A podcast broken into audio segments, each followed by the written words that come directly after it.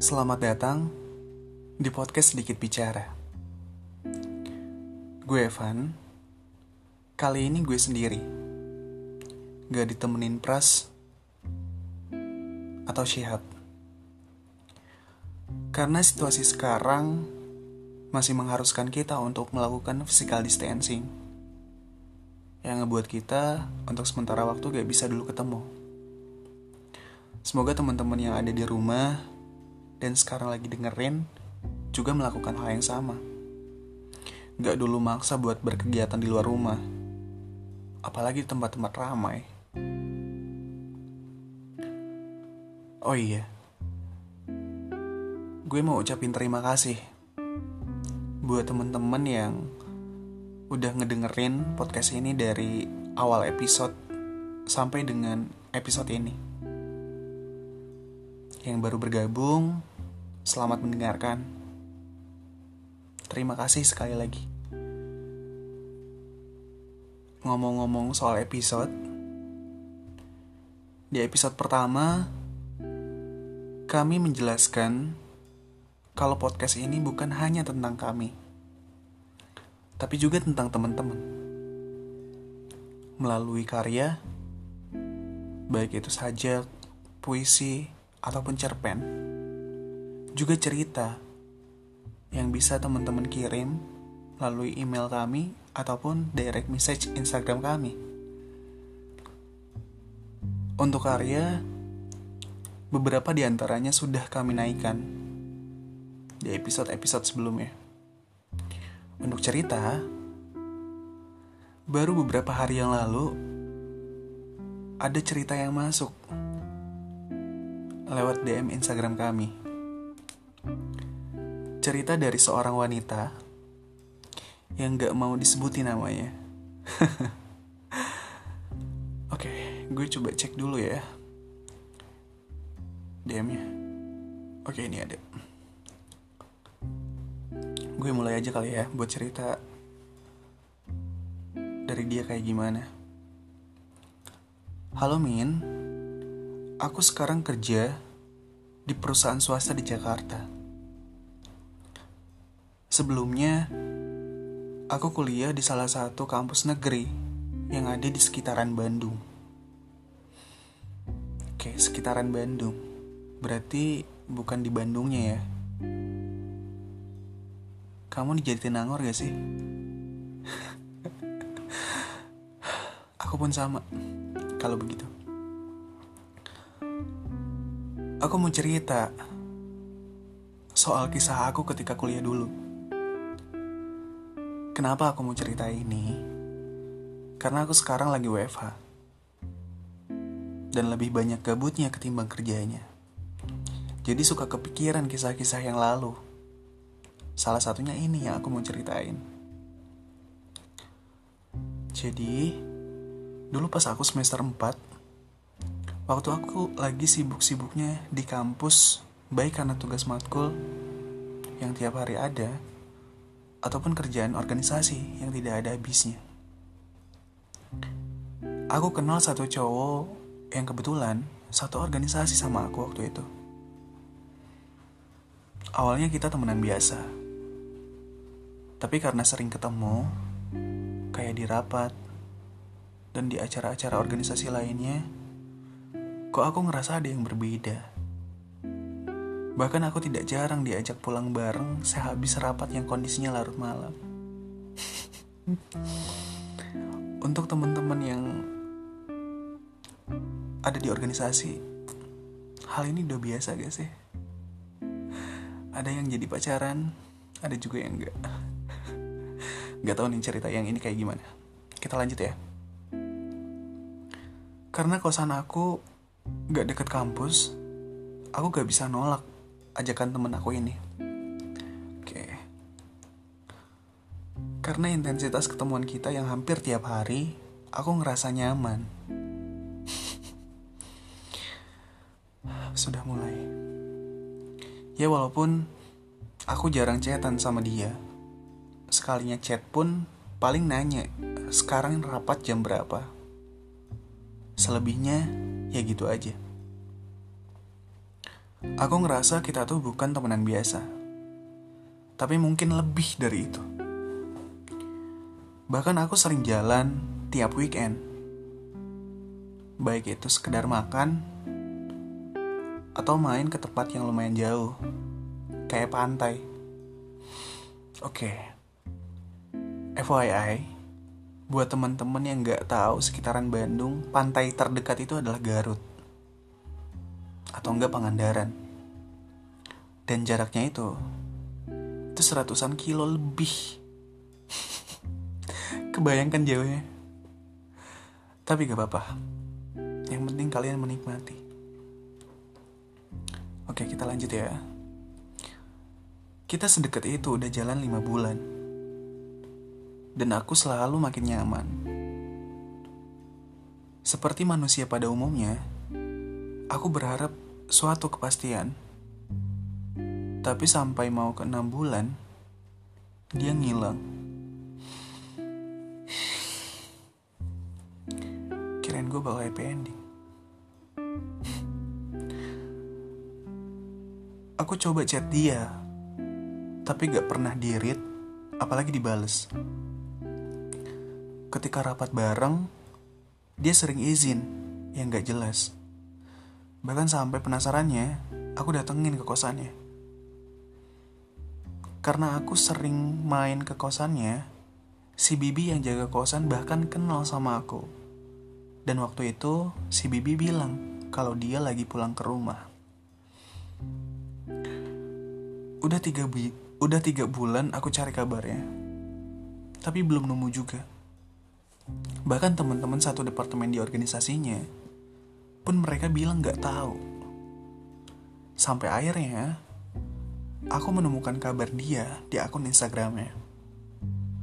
Dia posting sama cewek yang kemudian aku tahu dia adalah tenangannya. Aduh.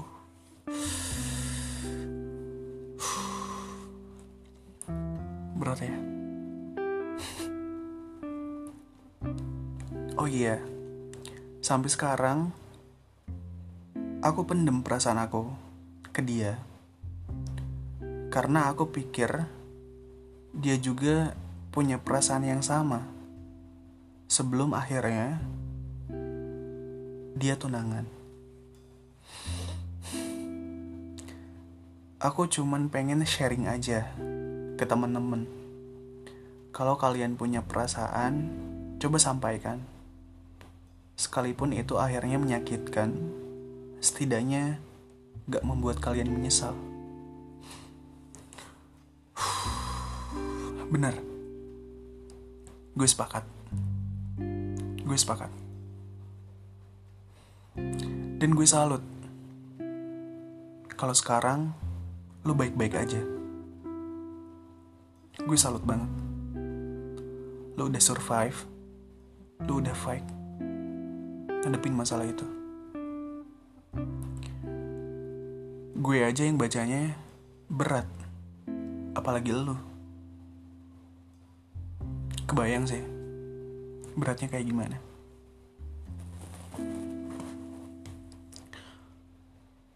Cuman di luar dari si cowoknya yang akhirnya ngilang dan tunangan ada salah satu hal yang jadi fokus gue di sini. Adalah gengsi.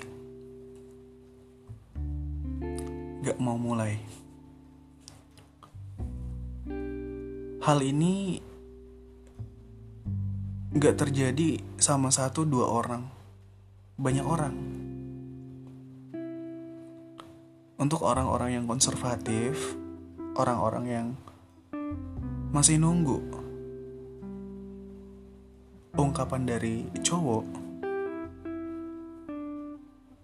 coba kalian udah jangan gitu lagi ya.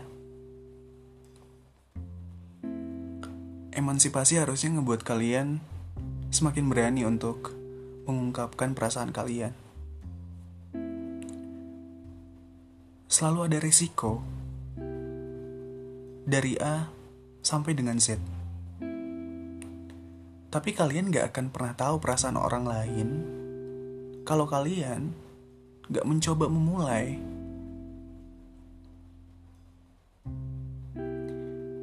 Mungkin akan beda ceritanya. Ketika cewek ini yang cerita ke podcast kami.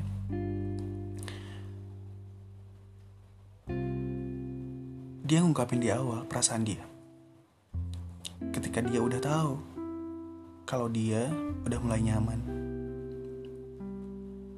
Mungkin dia gak akan menjalani hubungan ya yang lumayan lama dan pasti nunggu. Si cowoknya duluan yang ngungkapin perasaan. Mungkin ketika kalian udah merasa nyaman dan ngomong perasaan kalian, resikonya adalah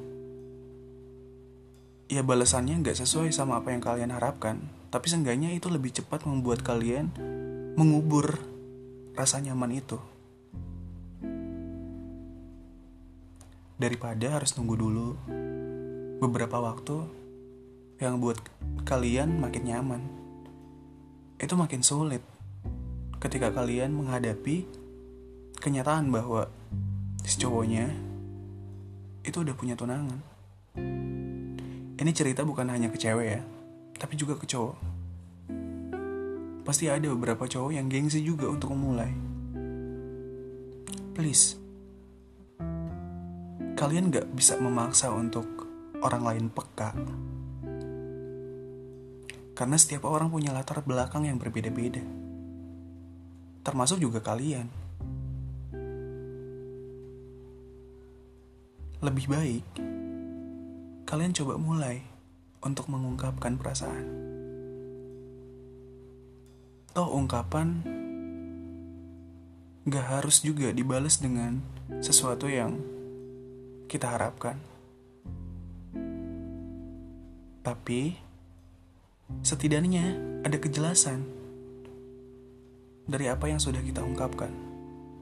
Misalnya kalau di cerita ini kejelasan kalau misalkan si cowoknya punya perasaan yang sama atau enggak.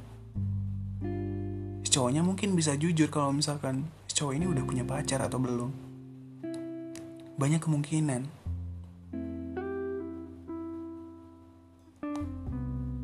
Itu penting.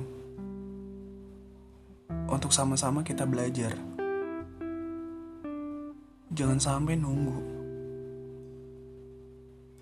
jangan sampai kita malah disakiti oleh perasaan kita sendiri karena kita gak mau memulai.